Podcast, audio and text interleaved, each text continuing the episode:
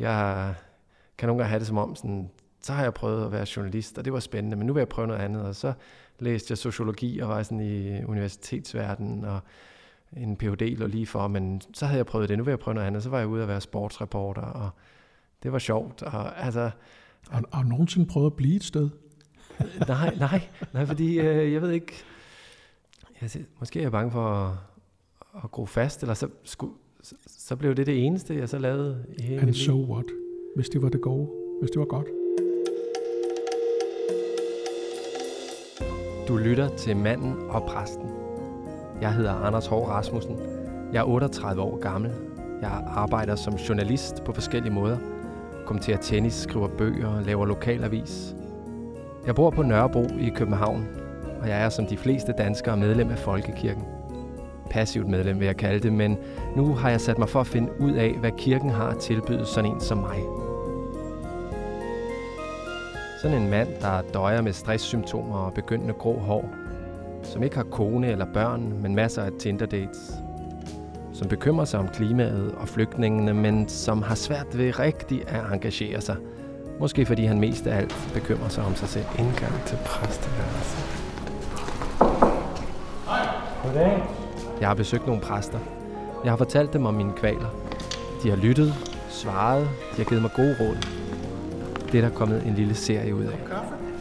Vi har, jeg har kaffe derinde, så jeg er frisk på maskinen her. Så I det her afsnit er jeg taget ud og besøge sovnepræst og psykoterapeut Mikkel Vold for at tale om misundelse. Jeg går meget op i misundelse. Nu skal I høre hvorfor. Jeg har engang besteget Mount Fuji midt om natten i måneskin. Der er et tempel på toppen. Jeg har set solen stå op over Grand Canyon. Det var dengang, jeg studerede i New York. Jeg har studeret i New York. Tog et fag på Columbia. Boede på et loft i Williamsburg. Cyklede gennem Greenwich Village hver formiddag. Drak cocktails på Schillers. Så opera på The Met. Hørte Haydn i Carnegie Hall. Jeg kan godt lide tennis. Jeg har siddet på første række til en Wimbledon-finale, hvor Roger Federer vandt 16-14 i femte sæt. Jeg har interviewet en præsident. Jeg har interviewet Will I Am fra Black Eyed Peas. Jeg har skrevet en bog. Den vandt en pris. Min familie har et sommerhus på Bornholm. Det ligger tæt på stranden. Jeg elsker stranden. Jeg har badet i det indiske ocean. Jeg har badet i det arabiske hav. Jeg har badet i den meksikanske golf. Jeg har knaldet i den meksikanske golf. Det jeg prøver at sige er, at jeg har oplevet ting, og det har været fede ting. Men noget af det, der gjorde det fedt, var også altid tanken om, at det var fedt. At det lød fedt. At det fik mig til at lyde lidt fed. Ikke nu her, sådan som jeg lige har ramset det op, der får det mig bare til at lyde som en opblæst nar. Men i hverdagen, sådan diskret, en lille opdatering hist og her. Kun lige nok til at få folks opmærksomhed. Gøre dem lidt misundelige. Det føles så godt, når folk er misundelige på mit liv. Men det føles forkert, at det føles så godt. For når jeg selv er misundelig på andres liv, og det er jeg tit, så føles det ikke særlig rart. Jeg gad godt, der var mindre misundelse i verden og i mit liv. Både mit arbejdsliv, mit ferieliv, mit sexliv, at det var mindre styret af misundelse. Det er det, jeg skal tale med Mikkel Vold om. Jeg har lige drukket min cappuccino her, som, øh, som Mikkel har lavet på sin... Det ligner sådan en øh, espresso-maskine fra 90'erne. Den er meget flot, sådan en Lavasso-ting, der står herovre. Inde i Marmorkirken, som jeg altid har vidst én ting om, mm. og det var, at den havde den største kuppel i Nordeuropa. Ja. Jeg, jeg gik meget op i øh, jeg gik meget op i Guinness rekordbog og rekorder Nå. i det hele taget, da jeg, var, okay. da jeg var yngre, og jeg vidste, at Marmorkirken havde den største ja. kuppel. Er der, øh, Mikkel, nogle af dine kolleger, som sådan er misundelige over, hvor stor og flot en kirke du er præst i? Altså, øh, hvis de er, så har de da tidet om det, når jeg har været i nærheden. Men, øhm, men jeg har ikke rigtig mærket noget til det, og, og også fordi de jo ved, at øh, vi alle sammen er her en tid, og nu er det mig, der er her, og det har jeg så været siden 94, øh, øh så det er jo en del år efterhånden. Men jeg har ikke sådan mærket en misundelse. Jeg tror nok, fordi jeg var, jeg var forholdsvis ung, da jeg fik stillingen i sin tid, og, og der mærkede jeg måske en lille smule sådan undren og lidt øh, modstand, hist og pist, men den er altså fadet ud igen. Så, øh, så det går rimelig fredeligt. Jeg, jeg tager nemlig lidt mig selv i en gang imellem, når, når jeg har bedrevet noget, som jeg mm. fornemmer vækker måske lidt misundelse, eller mm. altså, at så kan jeg nogle gange godt lidt lide det faktisk. Mm, det, det føles godt, men det føles også lidt mærkeligt, at øh, jeg godt kan lide at skabe den følelse i andre, fordi når jeg oplever den selv, den her følelse af at, ja. og vil, øh, ja, og, og vil have noget, andre har, eller sådan, så det ja. synes jeg egentlig ikke er en rar følelse. Nej, men den er jo heller ikke sympatisk, øh, hvis det drejer sig om at ville have noget, andre har, som man ikke rigtig under dem. Og misundelse er jo altid en negativ ting. Øhm, men nogle gange, så kan man forveksle misundelse med det at øh, blive inspireret af andre. For eksempel, hvis man er balletdanser, og så ser et klip med Rudolf Nureyev, så tænker man, det er en, der kan danse ballet fuldstændig suverænt. Og så kan man vælge at sige, øh, det kan jeg blive inspireret af. Jeg vil prøve at gøre ligesom Nureyev. Jeg vil lære hans trin. Jeg vil øh, prøve at studere hans teknik. Men man kan også sige, det er simpelthen for dårligt. Jeg arbejder, knokler, og så kan jeg overhovedet ikke komme til at ligne Nureyev overhovedet.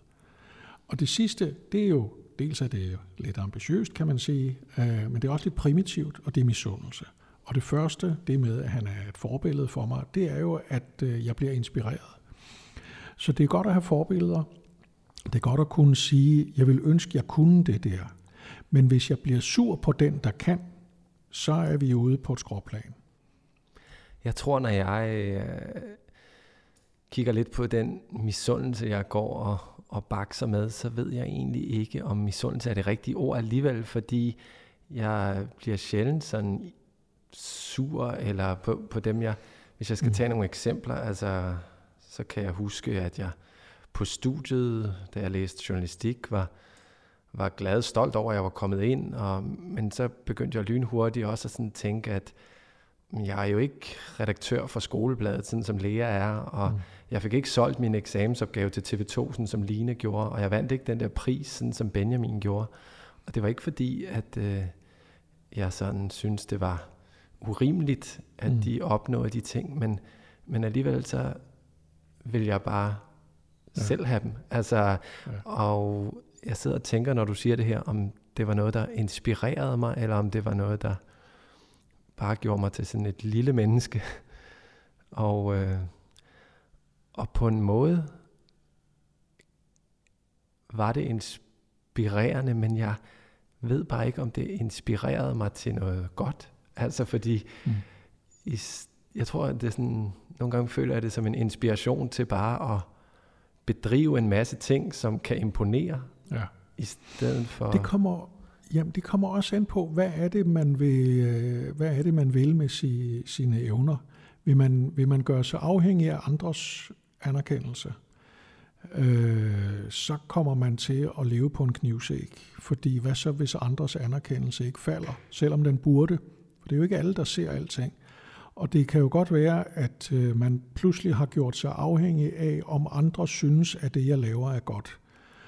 Øh, alle har brug for anerkendelse. Der er ikke dem, der er fuldstændig uafhængige af anerkendelse. Der er ikke dem, der er fuldstændig ligeglade med det. Men nogen kan blive så afhængige af det, navnlig i vores tid, fordi vi har sådan en evalueringstid, hvor vi hele tiden vurderer hinanden, og vi giver hinanden point, selvom det er utrolig overfladisk, så gør vi det meget. Og det gør jo, at øh, hvis ikke jeg har fået point, hvis ikke jeg har fået gode evalueringer, hvis jeg ikke har fået likes, så pludselig for nogen, der er det sådan, at verden nærmest falder sammen.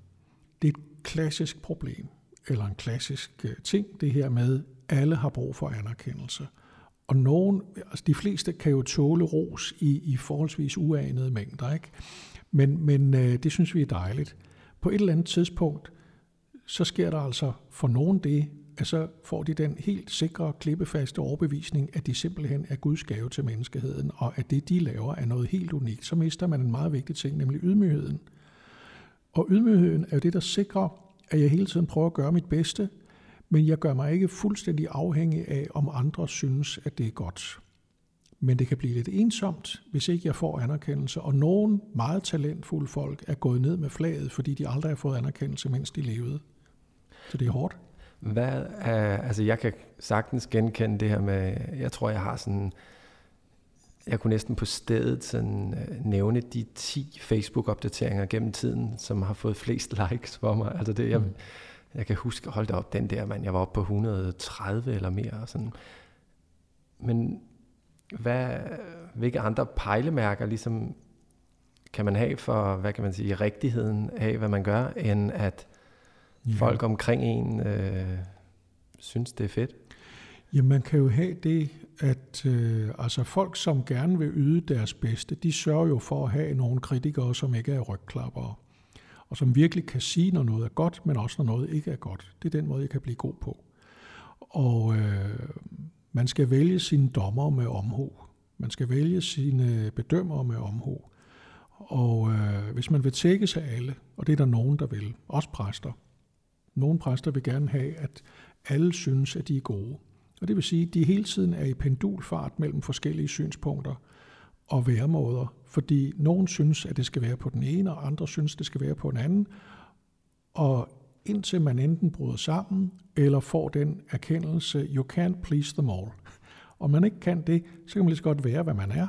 Og så kan man prøve at gøre tingene så godt som muligt, uden at blive alt for afhængig af for eksempel sådan noget som likes. Det skal man være, efter min mening, så skal man smide de der likes langt væk.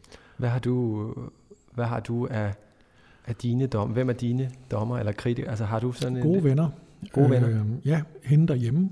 Ja. Øh, altså der er jo øh, der er nogle mennesker, der kender en rigtig godt, som kan som ikke er sådan voldsomt imponeret, hvis, hvis man synes, at, at nu sidder den lige i skabet her. Det var et godt foredrag, eller det var en artikel, der lige var. Efterhånden, så får man også nogenlunde fornemmelsen af, hvornår det er godt, og hvornår det ikke er. Men, men, øh, men øh, jeg glæder mig over, hvis jeg holder et foredrag for eksempel, at folk er glade for det. Men hvis jeg kommer hjem og opdager, at det, de klappede af, det var egentlig noget, der var en lille smule banalt, men det blev bare sagt på en sjov måde, så, øh, så prøver jeg at, og, øh, så prøver jeg at lære af det. Det kan være meget nemt at score point ved at, at, at ville have øh, folk med sig. Og nogle mennesker er meget dygtige til det. Får de så flyttet noget på længere sigt? Nej, det gør de som regel ikke. De bliver stjerner i en kort periode, og så gennemskuer folk det, og så er de, øh, så er de færdige.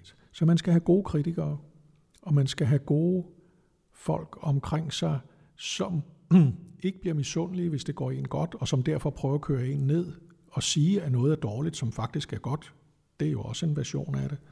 Jeg kan godt lide den her tanke om at skabe sit eget sådan lille, sit eget lille forum af, af kritikere. Og, mm. altså, jeg har sendt en bog på gaden her for lidt mm. over en uge siden, og øh, det er sjovt, jeg har længe drømt om, at jeg skulle skrive en bog. Jeg ved ikke, det stod ligesom mm. for, som sådan en præstation, og der var vigtig på en eller anden måde.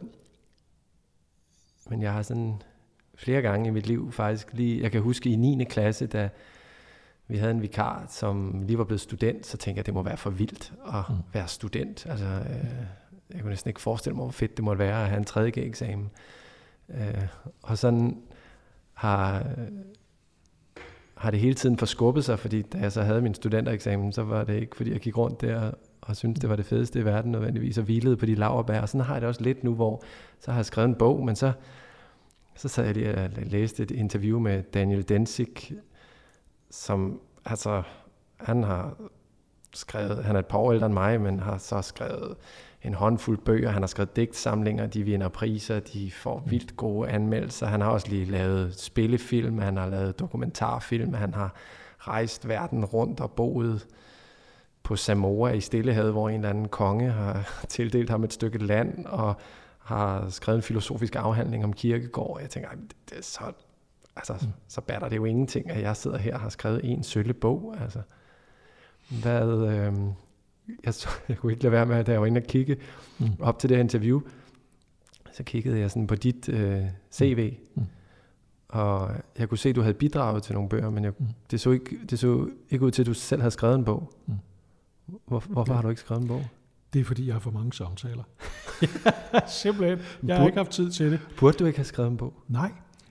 Jeg ville gerne, men øh, det havde krævet, at jeg havde sagt til dem, der ville have samtaler med mig, eller passe mit arbejde her, at altså, jeg har gjort det valg, at jeg har sagt, jeg har, jeg har været anmelder ved en avis i mange år, det er jeg så stoppet med nu, for at få tid til at skrive. Det er også blevet til noget.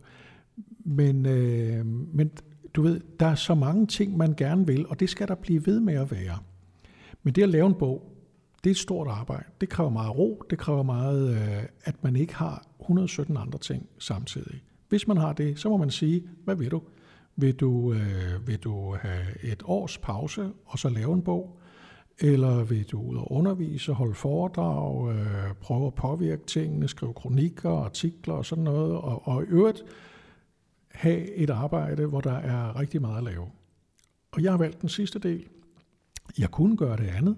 Det kan godt være, at min bankforbindelse synes, at det var måske ikke det bedste valg, men hvis nu jeg gjorde det, så kunne jeg gjort det andet. Men jeg har hele tiden haft for øje, du kan ikke det hele. Og, og nu er der så en, du nævner der. Jeg kender ikke ham. Men det lyder som om, der er nået rigtig meget der. Så, lad, så vil jeg sige, lad ham være. Koncentrer dig om dit eget, og sørg for, at det bliver så godt som muligt. Og få blikket væk fra de andre. Lær af de gode. Ha' nogle folk, du kan blive inspireret af. Og lad dem, der kan og vil skrive 50 bøger, skrive 50 bøger. Du skriver dem, du skal skrive, og du skal gøre dit bedste. Men du skal ikke se på for meget på, på, på hvad de andre gør.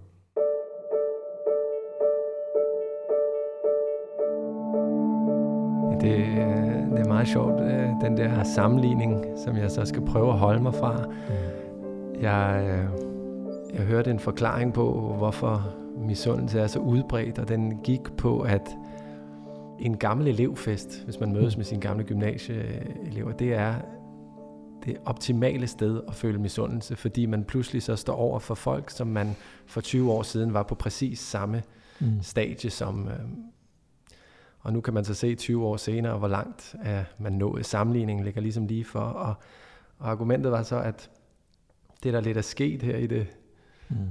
moderne samfund, er, at, øh, at hele, hele verden er blevet en stor øh, gammel elevfest. På den måde, at hvor der tidligere var en eller anden forståelse af, at folk, der var født af akademiske forældre, blev sikkert forskere, og folk, der var født af kunstnere, blev kunstnere, og folk, der var født af arbejdere, blev arbejdere. Mm. Men i dag kan alle blive alt, og det er også sådan lidt den fortælling, jeg synes, jeg er omgået af, at mm. hvis ikke, øh, hvis Daniel Danzig, han lykkes med alt det her, og jeg lykkes med en tiende del af det, så, så er det bare fordi, øh, jeg ikke knokler nok på, eller tager mig nok sammen. Eller? Ja, og det må man jo så spørge sig selv, om det er rigtigt. Men det, altså, der er en kultur i dag, det er et meget godt billede, det der med gymnasiefesten, fordi der er jo en kultur i dag, som er en pralekultur. Enormt meget. Og man fremstiller sig selv på en måde, som sjældent holder vand. Og det, øh, sådan har det altid været, mere eller mindre. For øjeblikket er det mere. Øh, nu er jeg så gammel, så jeg kan huske for 30 år siden, øh, der var der ikke den der kultur. Altså folk, der pralede, havde et komisk skær over sig, fordi man vidste godt, at det var pral. Øh, så kom der sådan en tendens til, øh, på et tidspunkt, så var det for eksempel meget moderne at have meget, meget travlt. Og det var moderne at, at være på kontoret i meget lang tid. Hvor, hvornår 80'erne. 80'erne, ja. ja. Det var sådan den der jubikultur, som ved Gud var noget af det dummeste, man længere har haft. Nu er den så blevet allemandseje. Øhm, men, øh, men, men der er kommet den der kultur, hvor man bilder andre ind, at man er en succes i nogle sammenhænge, hvor man sådan set enten er bare helt normal, eller slet ikke nogen succes. Akademiske arbejder for eksempel, ikke? Altså jeg sidder som censor på universitetet, på universiteterne har man et program, hvor man kører specialerne igennem for at se, om der er nogen, der har kopieret nogen andre. Er det første gang, det er sket? Nej, det er det ikke. Øh, det gjorde man også tidligere. Jeg ved fra en af mine gamle venner, at øh, man afviste en gang i 50'erne en doktordisputas, fordi den var mere eller mindre kopieret fra en belgisk fransksproget disputat, som vedkommende håbede, der ikke var nogen, der kendte. Det var der så. Så ikke så godt. Så, men det er, bare blevet, det er bare blevet meget udbredt. Og det er, fordi man har en pralkultur, og man har en kultur, hvor man fremstiller sig selv op, i oppustet udgave. Jeg øh, har en eller anden mistanke om, at, øh, at misundelse kan hænge lidt sammen med, at jeg også lever et sekulært liv. Altså forstået på den måde, at sådan som jeg forstår det sekulære, så er det, at fokus er på det, der sker på den her side af døden, og mm. ikke hvad der sker på den anden side af døden. Og, mm. Og, med, og i sådan et sekulært samfund, der, der kan det føles som om, at, at alt det mening, man skal ud af sit liv, det er, det skal, det skal, det skal ske nu, ikke på den anden side. Mm. Og derfor skal man nå så meget i det her liv, og leve så mange liv som muligt. Og mm. jeg kan nogle gange have det som om, sådan, så har jeg prøvet at være journalist, og det var spændende, men nu vil jeg prøve noget andet. Og så læste jeg sociologi og var sådan i universitetsverdenen, og en Ph.D. lå lige for, men så havde jeg prøvet det, nu vil jeg prøve noget andet. Så var jeg ude at være sportsreporter, og det var sjovt. Og, altså, har, har du nogensinde prøvet at blive et sted? nej, nej, nej, fordi øh, jeg ved ikke, så det er sådan, jeg, måske er jeg bange for at, at gro fast, eller så, skulle, så, så blev det det eneste, jeg så lavede i hele And mit liv. so what? Hvis det var det gode, hvis det var godt. Ja. Altså det er jo det her med, been there, done that. Der kan være en tendens til nogle gange at sige, hvis man har været et sted mere end 3-4 år, så er det fordi, man er groet fast. Den kører jeg simpelthen ikke. Hvad er så målet med tilværelsen? Er det, at jeg har været en hel masse steder? Er det, at jeg har vil smage på alle retterne i restauranten, inden der er gået et kvarter? Eller er det, at jeg øh, måske er flyvsk og ikke rigtig kan lande et sted, øh, og tror, at, at der er et eller andet lykkeligt liv, der venter længere henne?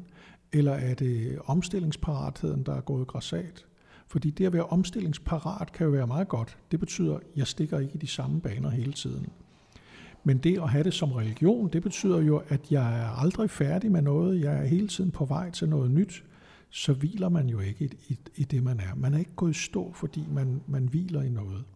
Jeg har det faktisk lidt sådan i forhold til at smage alle retterne, at når jeg står ved en buffet, så synes jeg, det er virkelig svært bare at nøjes med, ja. med lige et par af de gode ting, fordi der er så meget lækkert. Altså sådan, så kan jeg ja. have det i livet. Jeg, jeg, ja. jeg er super privilegeret, jeg har adgang til alt muligt, og jeg, jeg kan mange ting, og altså, det kan godt være, at jeg laver noget, og det så er godt, men måske er der noget, der er endnu bedre lige, lige der. Altså egentlig så tror jeg faktisk, jeg helt vil gerne vil smage på, alle, på så mange retter som muligt, inden, ja. inden de fjerner buffeten. Ja, men øh, hvis man kan gøre det, og så undgå mavepine, problemet er, at de fjerner buffeten.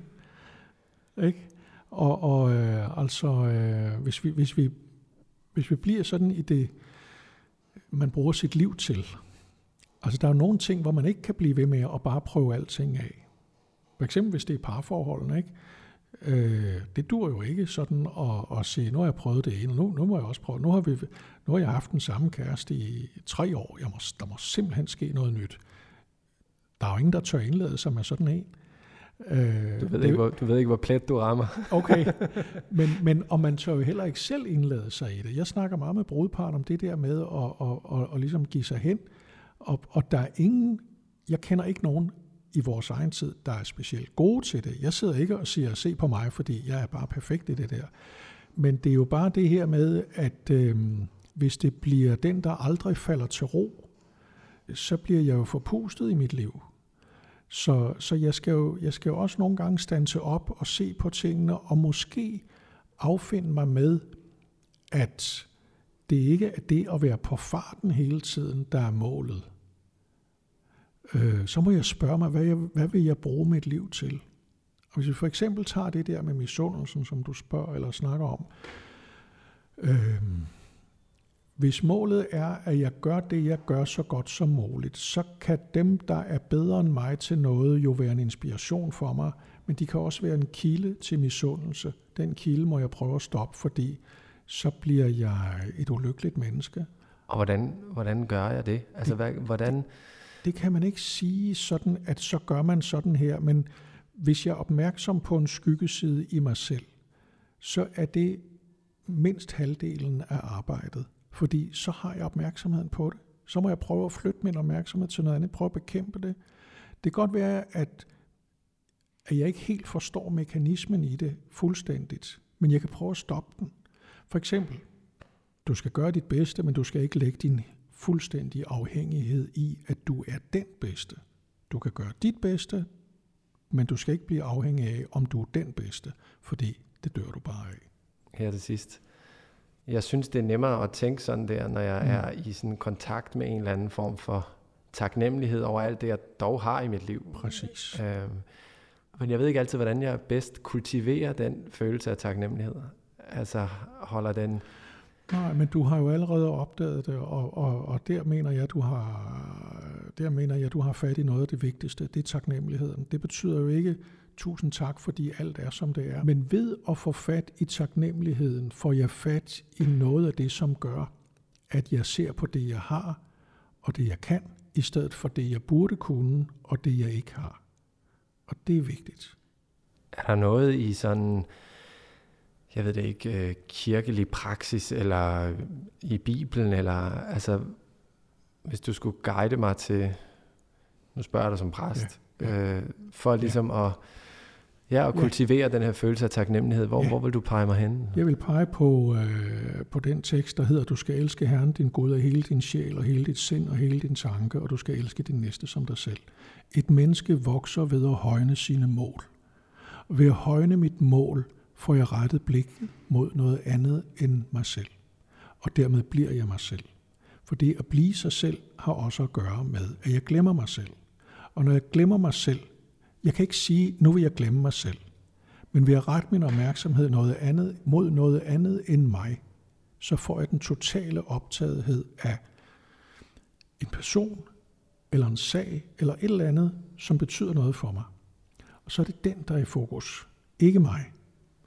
Og så mister jeg det lille spejl, som hele tiden frister til, at jeg kigger i det og siger, hvordan ser jeg ud nu? Væk med spejlet, op med målet, og det bedste mål, ikke som en livsanskuelsesting, men som en indgang til, hvad det vil sige at leve i det Guds rige, som er kommet til os. Elske Gud af hele min sjæl, det er en fantastisk tekst. Du skal elske Gud af hele din sjæl, og hele dit sind, og hele din tanke, og du skal elske din næste som dig selv så kommer alt det andet. Amen. Boink. Jeg sidder fuldstændig blæst tilbage i stolen her.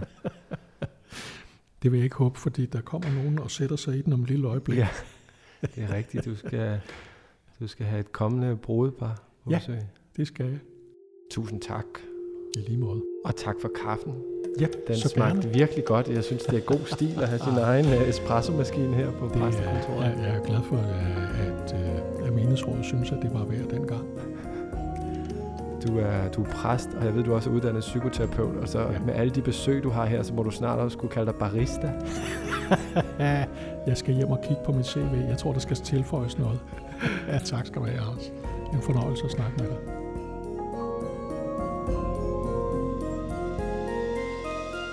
Du har lyttet til Manden og Præsten. Jeg håber, du synes, det var spændende. Jeg har selv tænkt meget over det med spejlet. Hvilke spejle jeg kigger i. At det er for stressende at lade hele verden være ens spejl. Alle mulige tilfældige folks meninger og likes. Jeg tror, jeg vil prøve Mikkels råd om at finde mig mit eget lille kor af kritikere. Folk, jeg stoler på. Som ikke er rygklapper. Vælge min spejle lidt mere omhyggeligt. Podcasten er produceret i samarbejde med Københavns Stift i anledning af 500-året for reformationen. Tilrettelægger er Anna Tavlov. Mit navn er Anders Hård Rasmussen. Tak fordi du lyttede med.